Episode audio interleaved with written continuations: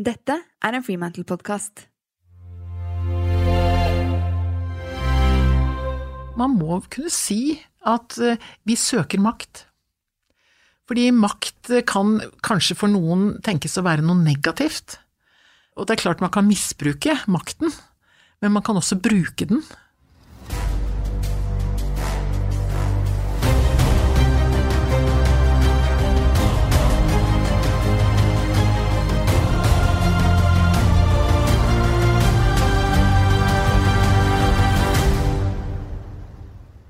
Jeg er mentaltrener Cecilie Ystenes Myhre, og i podkasten Grit skal jeg gi deg noe av hemmeligheten bak suksessen til ulike fremadstormende mennesker. Mennesker som har grit. Marianne Borgen er ordfører i Oslo og mangeårig politiker for SV. Hun er dagens gjest i Grit. Marianne er kjent for å være et ekstremt arbeidsjern med en ekstrem mentalitet. Hun sitter i en rekke komiteer og tar på seg flere verv enn de aller fleste. Jeg er kjempenysgjerrig på å lære mer om ordføreren i Oslo, og hva hun har lært så langt i alle rollene hun har og har hatt.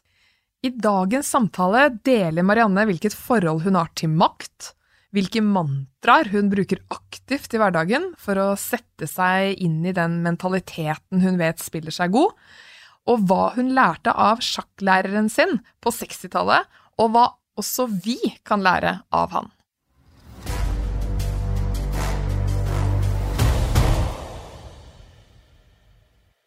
Velkommen til Grip Podcast, Marianne. Tusen takk. Jeg vet at du har eh, mye å gjøre om dagen, så jeg syns det er gøy du setter av tid der. Det var bare hyggelig å komme hit. Du er ordføreren i Oslo, så vi kjenner godt til deg likevel. Kan ikke du starte med å fortelle litt om deg selv? Jo, jeg er jo da eh, en dame på 70 år som eh, er vokst opp i Oslo. Jeg vokste på Veitvet, en drabantby som var ferdig når jeg var tre år gammel. Da flyttet mine foreldre inn der med broren min og meg. Og det var eh, en fantastisk sted å bo. Så var det en veldig spennende og fin oppvekst. Jeg er vokst opp med foreldre som ikke hadde fått mulighet for å ut, få utdanning. Så vi er jo også vokst opp med foreldre som var veldig opptatt av at vi skulle gripe de sjansene som vi fikk. Så, det ikke de fikk vilde at ja, dere ville, skulle få? Jeg, var hele, jeg syns jeg husker fra min barndom at det var sånn grip de sjansene vi aldri fikk. For du tok det til deg, og så har det vært Ja, med deg, da? Hele veien. Ja. Og da eh, skulle jeg redde verden. Da hadde jeg allerede fått et sterkt engasjement på Jeg lærte jo I miljøet jeg vokste opp, så lærte jeg at det var ikke alle folk som hadde det helt greit. Vi, vi var forskjellige, men vi klarte å få til ting sammen likevel. Og så begynte jeg på Blindern. Det var ingen i min familie som hadde noe forhold til universitet og sånn. Men jeg var jo så heldig da, igjen, at da hadde Lånekassa etablert seg. Og da fikk jo sånne med min bakgrunn fikk da muligheten for å studere. Så da jobba jeg i ungdomsklubb på kvelden, og så studerte jeg på dagen. Og dette var jo en tid, vet du, med veldig mye politisk engasjement. Jeg husker jo, ikke sant, det var kampen mot apartheid, det var kampen mot Vietnamkrigen, kampen mot atomvåpen. Og det engasjerte deg? Utrolig. Da hadde jeg også en bror som var tre år eldre enn meg, som var også ganske så aktiv i samfunnsdebatter. Og, var også Og var foreldrene dine det? Nei, egentlig Nei, ikke. Så den ilden er litt mer hos dere? Ja, men de var veldig opptatt av nærmiljøet rundt seg. Jeg husker moren min var, var med i borettslaget. Det var en viktig styre i borettslaget, og hun var også, startet også en sånn forening som het Ungdommens venner, for å lage et tilbud for ungdom, men i Ok, Så det var et initiativ og en drive Ja, der? det var en drive Ja. i min familie, men det var ikke partipolitisk aktiv og sånn. Det var det ikke. Men de, vi diskuterte mye hjemme, ikke sant. Leste aviser og fulgte med på nyheter og sånn. Så jeg fikk jo mye med meg da, men jeg tror liksom blandingen av foreldrenes liksom litt sånn drive og engasjement, eh, og den tida jeg vokste opp i, tror jeg gjorde at jeg tenkte at hm, her eh, er det mange utfordringer, og her kan vi gjøre en forskjell alle sammen. Og det hadde jeg også lyst til å være med på. Og tror du at den, den spiren direkte ble sådd av foreldrene dine? For det er jo noe som, som ikke kommer inn i den innstillingen at man kan, faktisk kan ha en påvirkning, da. Jeg tror foreldrene mine og storebroren min da, var viktig eh, for å på en måte forstå at vi måtte bruke den makta vi hadde da, til å engasjere oss. Og i dag er du ordfører i Oslo. Hadde du sett for deg det når du var mindre? Nei, hjelpes meg. Det hadde jeg ikke i det hele tatt. Det så jeg vel for så vidt ikke ordentlig for meg i forbindelse med valget 2015 heller. Så det kom litt brått på meg. Men jeg har jo vært politisk interessert og politisk aktiv gjennom hele livet mitt. Men jeg har jo hatt helt vanlige såkalte sivile jobber hele veien. Så du kan si de jobbene jeg har hatt også, har nok også påvirket og forsterket en del av mitt engasjement, da. Det hører jeg jo, og ryktene sier jo om deg at du er verdidrevet til beinet. Fortell litt mer om de verdiene som ligger til bunn for at du gyver på og jobber mye, da. Ja. ja. Verdien min handler jo litt som om Fordi at jeg, jeg, kjenner fortsatt i dag på en slags takknemlighet for den muligheten jeg fikk, som mine foreldre og besteforeldre aldri fikk. Altså hvordan fellesskapet stilte opp for oss, og for også sånn som meg i forhold til sosial boligbygging, og ikke minst også muligheten for å få utdanning, Lånekassa, alle disse tingene. Jeg kjenner på en takknemlighet rundt det, og så har jeg tenkt at liksom, det er noe med sånn følelsen av at ingen kan klare seg helt aleine, vi er liksom avhengig av hverandre. Så verdiene mine handler jo nettopp om eh, respekten for eh, at vi er forskjellige, men samtidig det grunnleggende respekten for men menneskeverdet. Og jeg har jo vært veldig opptatt av menneskerettigheter og barns rettigheter gjennom hele mitt yrkesaktive liv også. Så når du tar på deg en ny stilling, en oppgave, så er det, det er eye on the goal der. Da er det det her du tenker på? Ja, og særlig kanskje etter at jeg eh, begynte hos Barneombudet i sin tid. Fra da og helt fram til eh, jeg begynte som heltidspolitiker i 2011, så hadde jeg jo et slags mantra i alle jobbene jeg hadde, og det handlet om å prøve å bidra til å skape et samfunn som er bra for barn å bo i. For jeg tenker at hvis du klarer å skape et samfunn som er bra for barn, som skaper trygghet for barn, gir mulighet for barn, så er det et samfunn som er bra for oss alle. Så det har nok vært mye av drivkraften. Så det jeg hører er jo en veldig sånn sterk motivasjon for å gå inn i disse stillingene. Mm. Og så kommer du inn i disse stillingene, og du har jo vært kalt nybegynner en gang, du også. Er det sånn at du, du, noen ganger har blitt litt sånn paff over ansvaret som følger med? Ja. Ja, eller, ja, fortell litt om den reisen hvor du, hvor du har gått å finne tryggheten i å håndtere så mye ansvar. Ja, det, jeg tror jeg har kjent på det, den ydmykheten det er å få et stort ansvar. Det kjente jeg veldig på eh, både når jeg jobbet, eh, fikk kontorsjefstillingen hos Barneombudet, som var den første liksom, store lederstillingen jeg fikk, og så seinere også en eh, lederjobb i Redd Barna. Og alle de gangene så kjente jeg på sånn, ære, sånn ærefrykt, da. Ikke sant? Er jeg god nok til dette, og vil jeg klare det ansvaret det er å lede så mange mennesker? Og... så jeg har kjent ofte på den utryggheten. Jeg kjente på den veldig også i 2015, når jeg ble valgt til ordfører. Da tenkte jeg sånn, er jeg god nok til dette med min bakgrunn, ikke sant? Så jeg følte nok litt på liksom litt mindreverdighetsfølelsen på det, og, og, var litt engstelig for om jeg var god nok. Men jeg har liksom tenkt alle gangene at uh, jeg får prøve å være meg sjøl, jeg får bruke de erfaringene jeg har i mitt liv, og prøve å gjøre det beste ut av det. Gjøre så godt jeg kan ut fra mine forutsetninger. Og jeg har ikke har prøvd å legge til side da, hva alle de andre som var før meg gjorde. Jeg har ikke prøvd å være lik noen av de, da. Og det har i hvert fall hjulpet meg litt å få litt sånn her eh, følelse av at det får være bra nok, liksom. Ja, Det gjør at du får senke skuldrene og ja. kose deg litt i jobben. Men Marianne, har du, har du alltid følt deg så trygg? Nei. Jeg husker jeg gikk på Veitvet skole og ble 1,82 høy når jeg var sånn 12, 12, år gammel. Ble veldig lang og ble kalt for Stakan veldig tidlig.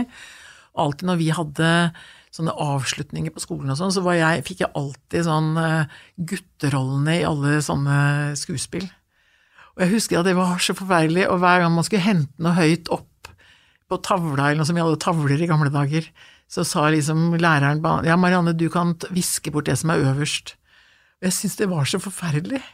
Så jeg følte meg ganske, jeg følte meg ganske puslete i deler av eh, de første årene på skolen. Og kompenserte nok veldig, da. Ja. Ved å bli, være veldig flink, ikke sant. Være lesens, Skoleflink? Ja, bli litt sånn skoleflink, da. Fordi at jeg var ikke noe kul i det hele tatt. Og det var litt dumt. Og så husker jeg at det var én ting som også styrka meg litt i det. Vi hadde en, På vei til skole hadde vi en fantastisk sjakklærer og han eh, mente at jenter kunne spille sjakk. Og det var det jo ingen jenter som spilte, det var gutter som spilte sjakk. Så han inviterte noen av oss jentene inn på egen sjakklubb på Veitvet skole, og jeg meldte meg til det, og tenkte at ok, kanskje jeg kan bli litt kul på sjakken.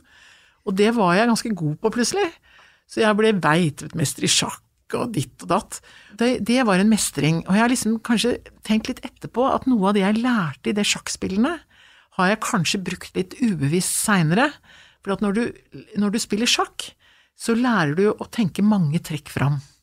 Da lærer du også å tenke hva er det motstanderen har av planer nå. Og det kan være kjekt å ha med seg i livet ditt når du går i konflikter med folk, eller når du går i politisk kamp med noen. Det er å tenke hva, hvis du gjør sånn, hva gjør de andre da? Mm. Og det tror jeg jeg tok med meg litt fra sjakken, så jeg kjørte litt, økte bitte lite grann. Eh, men ikke så veldig mye, men allikevel. Så, så, det er jo ikke sånn at, man, at jeg har hatt eh, sterk sjøltillit hele livet mitt, det er det ikke. Nei.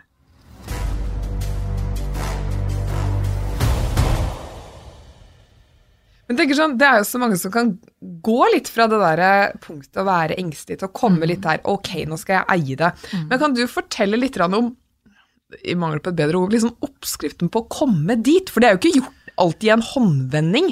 Hvordan gå fra engstelse til konstruktivitet, da? Ja. Ja, nei, det er, det er, Jeg vet ikke akkurat hele tiden hvordan jeg har gjort det, men det er klart at jeg har jo søkt på noen av disse lederjobbene.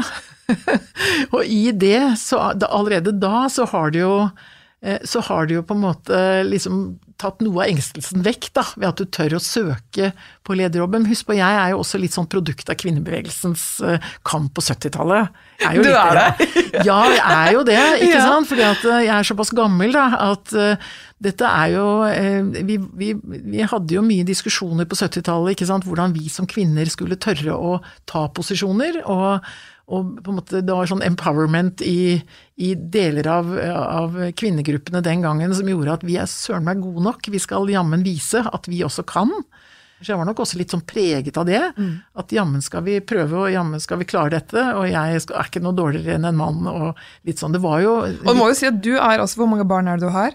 Jeg har tre voksne barn i dag. Ja. ja. Så, så, du har vært mamma her også, det ja. syns jeg er verdt å si. ja, nei, og det kan du si at på, jeg, var, jo, jeg var jo liksom småbarnsmor hele 80-tallet, og eh, det var jo litt sånn den gangen også at vi eh, kvinner, da, som eh, på en måte var en del av kvinnebevegelsen og frigjøringen og likestillingskampen som sto den gangen, vi skulle liksom vise at vi dugde.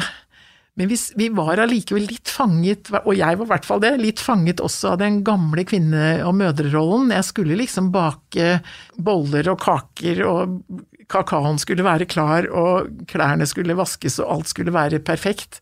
Selv om du da både skulle ha en jobb, full jobb, og du skulle drive med politikk i tillegg. Så det var jo ganske heftig, og ja. du kan si da måtte man jo lære seg ganske tidlig å jobbe litt sånn systematisk, da, men også kanskje senke litt sånn kravene etter hvert. Og det har jeg hatt litt problemer med, å senke kravene.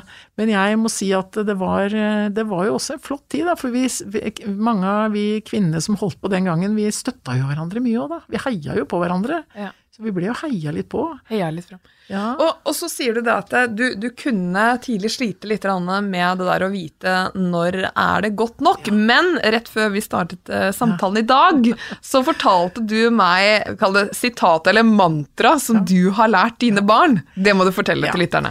Nei, fordi det jeg har, jeg har, fortalt meg selv mange ganger, forteller til meg selv mange ganger, og har prøvd å lære mine voksne barn, det er eh, at man må av og til sette seg ned og si Nok er nok, og godt er godt.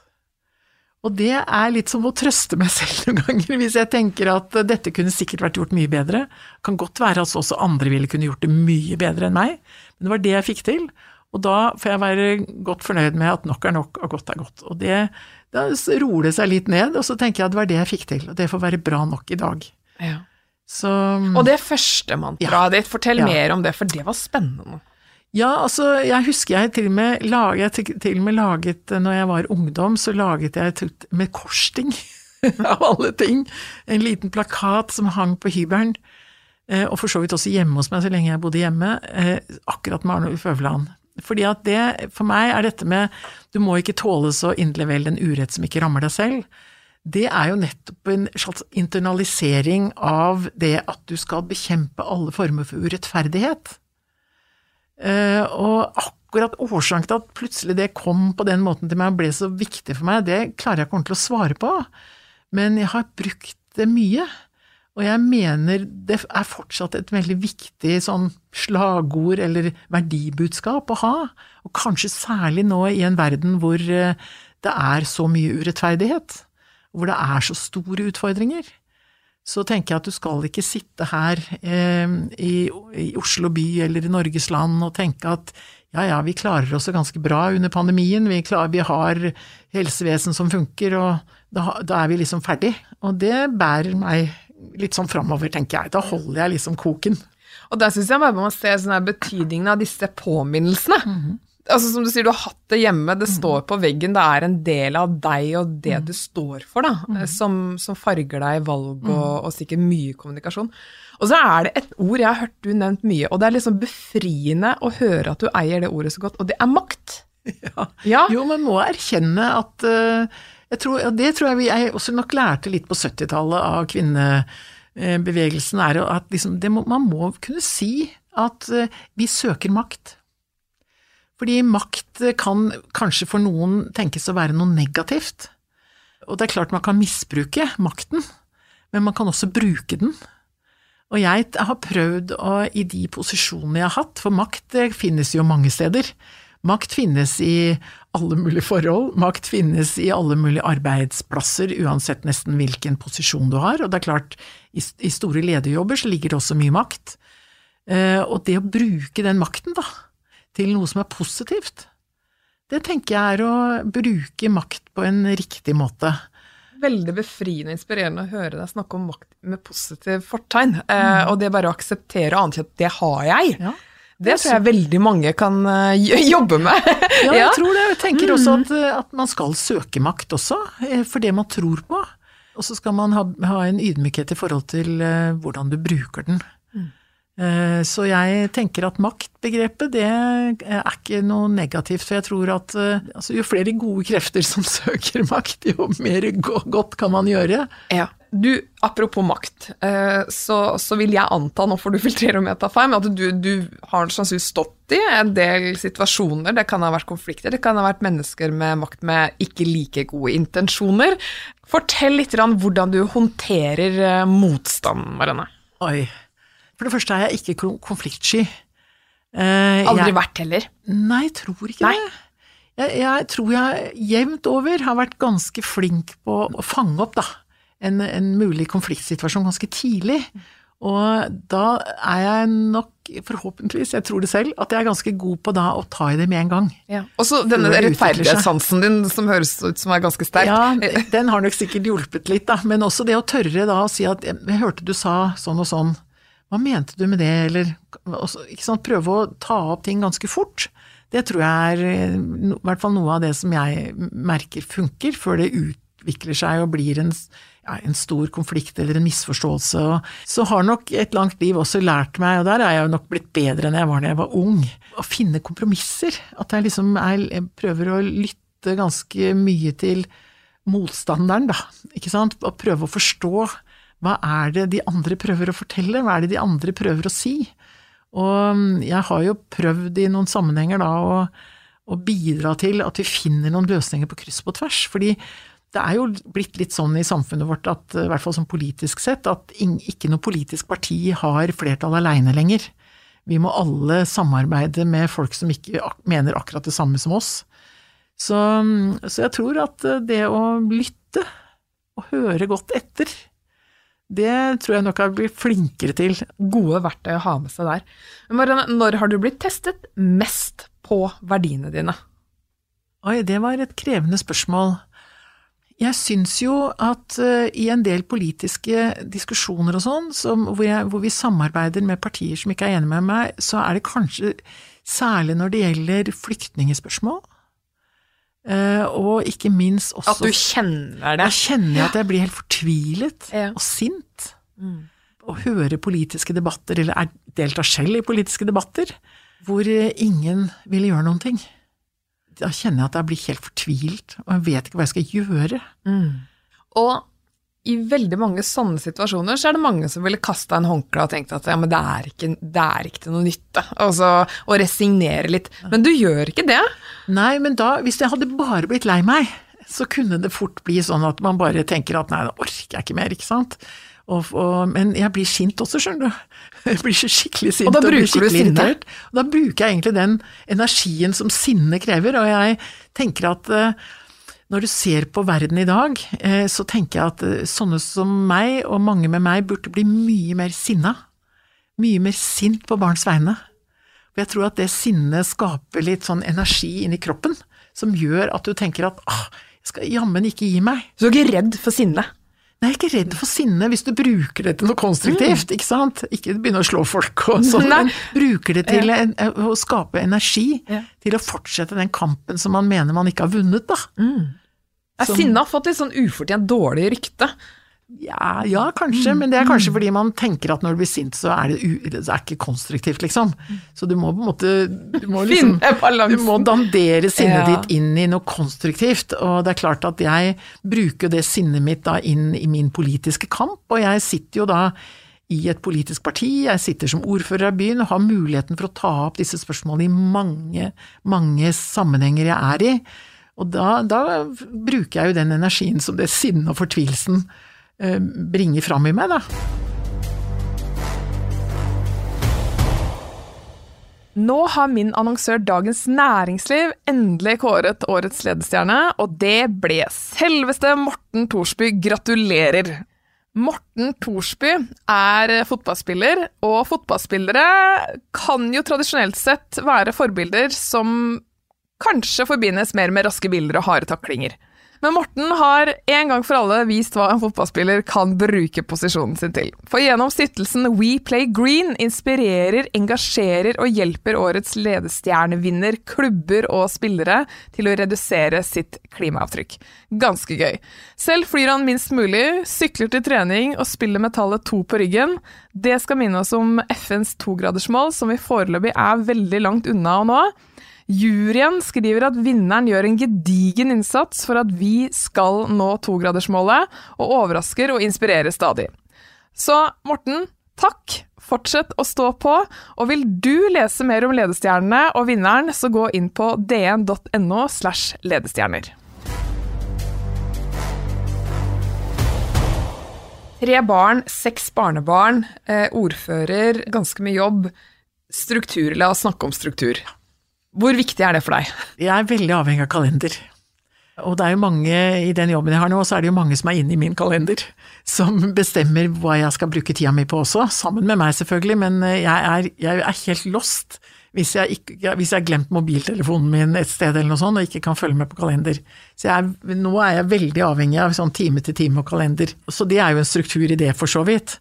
Og jeg er, men det der med, med mitt gamle slagord om at nok er nok er godt er godt, det hjelper meg jo veldig, fordi når jeg også skal legge meg på kvelden og har hatt en heftig dag med mange forskjellige ja, jobber og ting jeg har gjort, så er jeg veldig sånn når jeg skal legge meg på kvelden, så skrur jeg liksom av lyset oppi hodet.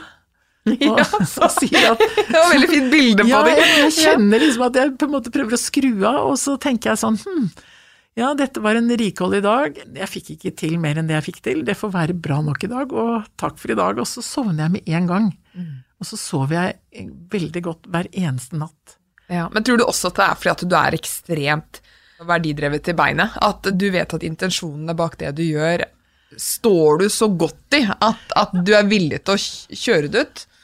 Ja, det kan ha noe med det at jeg, at jeg føler meg veldig sånn trygg på eh, det jeg fighter for, da. Ja. Tenker at ok, det er dette jeg syns er viktig, og hvis folk ikke er enige med meg, så får jeg leve med det, og fighte videre, liksom. Det er nok litt det. Men samtidig så er jeg jo villig til å gå inn i kompromisser, da. Så Ja. jeg er jo villig til å få til litt, hvis jeg ikke får til alt. Ja. Og hvis ikke du får til alt, så er jeg av og til også fornøyd med å begynne å få til litt. Ikke sant? Og så kan jeg kjempe for resten etter hvert. Ja. Men da bygger du også mye mestring og selvtillit, da. Med tre barn, seks barnebarn og full kalender, hvordan kobler du av? Ja, Det er et godt spørsmål, for eh, noen dager og noen uker er det veldig liten tid, for jeg begynner gjerne på jobben eh, klokka i hvert fall halv åtte-åtte, og mange dager er jeg ikke ferdig før klokka er ni-ti på kvelden. Men når jeg virkelig får tid til å kable av, så går jeg mye på tur i skauen. Og Oslo, vi har jo skog rundt hele byen, så det er lett tilgang. Og da kobler jeg veldig ut. Eller jeg tar en sykkeltur. Jeg sykler jo til og fra jobb mye, og det er jo også en sånn utkobling eller avkobling for meg. Så um, jeg bruker nok de mellomrommene, da, som er mellom eh, mye til når jeg sykler til og fra møter og kobler litt av, eller prøver å ta meg en tur. Og jeg bruker en del av eh, helga, når det ikke er mye jobb i helgene, så prøver jeg å gå på tur. Og ofte også helt aleine. Bare for å få tid bare til for å å liksom, ja, kanskje enten bare høre på noe musikk, jeg kan høre på en podkast for så vidt, og, eller også en bok, eller bare gå og ikke høre på noen ting. Det syns jeg også er litt deilig, for jeg treffer så mye folk i løpet av uka som er utrolig hyggelig, men når helga kommer da og jeg skal gå på tur, så syns jeg ofte det kan være deilig å bare være helt aleine også, og gå en par timers tur i marka. Ja. Vil du si at du henter altså Apropos introverthet, ekstroverthet, hvor er du i det landskapet der? Hvor henter du mest energi? Jeg henter jo energi ved å være sammen med folk. Ja. Og det har jeg merket nå i det halvannet året som har gått med pandemi og nedstenging i byen. Så har jo det mesteparten av kontakten som vi har hatt med folk, har jo vært digitalt. Og det gir ikke samme energi. Nei. Så nå når vi nå åpner byen eh, igjen, så syns jeg det er fantastisk å være sammen med folk. Og jeg merker at selv om jeg har lange dager, så får jeg masse energi, og jeg blir veldig glad av å være sammen med andre folk. Men du, jeg må bare spørre, fordi at i et sånt politisk liv og i alle de stillingene, så vil jeg tenke at det er så mange ting som også vil være med på å prøve å få, få vekk fokuset ditt på det som er intensjonen i arbeidet ditt, da. Ehm, det kan være at du heller bruker tid på ting som gir status, eh, får, får deg til å se bedre ut i et bedre lys. Hvordan, hvordan møter du sånne type holdninger, eller kall det forespørsler, Ja. eller hva enn det måtte være? Ja, nå har jeg aldri vært så veldig opptatt av status og sånn posisjon for posisjonens skyld. Jeg husker når jeg ble ordfører, så var det noen som sa til meg du burde få deg en stylist. Der har vi et eksempel på hva du kunne brukt tid på. Ja. Og da tenkte jeg skrekk, en stylist! For det hadde jeg ikke tenkt på engang. Og det handler litt om det som jeg var litt opptatt fra begynnelsen av, at eh, jeg får være meg selv. Og jeg er ikke flink med klær, jeg er ikke flink med sminke, jeg er ikke så opptatt av det heller. Da Sånn- henger det kanskje sammen. Ja, det henger veldig sammen, skjønner du. Sånn at, eh, men jeg husker at det ble noen sånne forventninger, ikke sant. Så jeg løste det ganske greit ved at jeg fortet meg til å gå og bestille meg en sånn Oslo-drakt. Som er, Ja, smart. Som, en slags, altså, som ikke er vel er godkjent som bunad, men det er sånn veldig pen sånn Oslo-drakt som kom i forbindelse med tusenårsjubileet. Og det bruker jeg som min mørkedress. Så når jeg har store, viktige begivenheter som skjer i rådhuset, så har jeg alltid noe pent å ha på meg. Da bruker jeg denne Oslo-drakta, og med fint ordførerkjede, og jeg, alle syns jeg er fin, og jeg syns jeg er veldig fin. Så da løste jeg det med, med stylistproblemet ganske så enkelt. Så jeg har liksom aldri tenkt at liksom det med hvordan du skal kle deg, eller hvordan du skal eh, på en måte, ja, hvilken posisjon og status denne rollen har, men jeg tar den på høyeste alvor. Jeg føler det som et stort ansvar, hele døgnet igjennom. Du, Marianne, for å få den robustheten til å, til å ha det ansvaret du har, og bære det også eh, konstruktivt, hva vil du råde andre til for å bygge opp den robustheten? Som kanskje ikke har de forutsetningene i livet. Apropos barn, da, det er jo ikke alle som har en trygg, eh, solid familie eller oppvekstvilkår som Og hvis man kommer fra et litt mer engstelig utgangspunkt, da. Det er, ikke, det er kanskje ikke en, en oppskrift på det, fordi at jeg føler meg også ganske heldig da, i mitt liv, som hadde en trygg eh, barndom. Men jeg hadde, det sa jeg ikke i stad, men jeg hadde jo også en, en pappa som eh, eh, mistet begge sine foreldre veldig tidlig, og som ble satt bort på gård. Det var jo datidens barnevern, at man eh, så på barn Først så var jo barn noe som skulle ha omsorg, og så var jo barn etter hvert også arbeidskraft. Så jeg ble nok også preget av hans eh, oppvekst og manglende familietilknytning, ikke sant, siden han mistet foreldrene sine så tidlig. Og det gjorde veldig inntrykk på meg, og angrer den dag i dag fortsatt på at jeg ikke fikk han til å fortelle mer fra sin oppvekst. Så det har nok gjort at jeg, jeg har vært veldig sånn takknemlig og ydmyk for alt det som jeg har fått av muligheter, da. Så jeg veit ikke om jeg har så veldig, om det er så lett å gi noen veldig klare råd. Men det er jo noe med å prøve å være positiv òg, da. Ikke sant? Prøve å, å, gripe de mulighetene man kan få som kommer litt sånn tilfeldig òg, noen ganger. Og som man kanskje ikke engang har søkt etter, men som dukker opp, og tørre å ta de sjansene. Tørre å ta, være litt uh, Kanskje kjenne på at uh, jeg er god nok. Jeg er kanskje ikke best, ikke sant? Jeg er kanskje ikke best, men jeg er god nok. Mm. Og prøve å tenke litt på hva man sjøl kan bidra med. For vi er jo forskjellige, vi har forskjellig utgangspunkt. Og jeg tenker at uh, all det, alt dette mangfoldet, da, kan brukes i så mange sammenhenger. Jeg tenker at man skal ikke måle vellykketheten sin eller suksessen sin i hvor, hvor høye posisjoner man har, eller, eller, litt sånn. Man skal prøve å finne en sånn plattform i sitt liv da, som skaper mening. Og så tror jo jeg veldig på at et engasjement er noe som også driver en framover. Om det er et engasjement for nærmiljøet sitt, for, for frivillighetssentralen der man bor, eller for borettslaget sitt, sånn som moren min hadde tenker at det er også å skape mening og trygghet i livet. Da. Og mye mestring. Mye mestring. Og jeg har faktisk aldri hatt et mål i seg sjøl om at jeg skal bli leder. Og som du spurte om i stad, altså, hvis noen hadde spurt meg for ti år siden, så hadde jeg jo sagt at nei, ordfører, det har jeg liksom Det kommer jeg aldri til å bli, men jeg kommer til å ha et politisk engasjement. Så noen ganger kommer det noen muligheter, du er på riktig sted til riktig tid, og så må man tørre å ta de sjansene, da. Med det sagt, Marianne, som var veldig godt sagt, så ønsker jeg å takke deg for at du tok tiden i en veldig hektisk hverdag her her til Grit Podcast. Tusen takk. Tusen takk.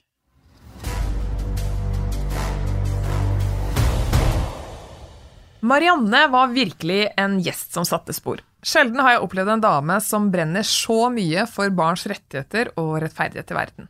Det er ganske så tydelig hva som er hennes visjon her i livet, og hva som driver henne til å jobbe hardt og mye. I tillegg er det spennende å høre hvordan hun bruker sine egne mantraer i hverdagen for å styre sine egne forventninger til seg selv. Hva er bra nok? Og i den anledning vil jeg oppfordre deg til å gjøre følgende denne uka. Skriv ned hvilke forventninger du har til deg selv, Velg deg ett område i livet for å begrense det litt. Det kan f.eks. være jobben eller forholdet du kanskje er i. Deretter kan du ta en vurdering på om disse forventningene spiller deg god, eller om du trenger å justere det litt.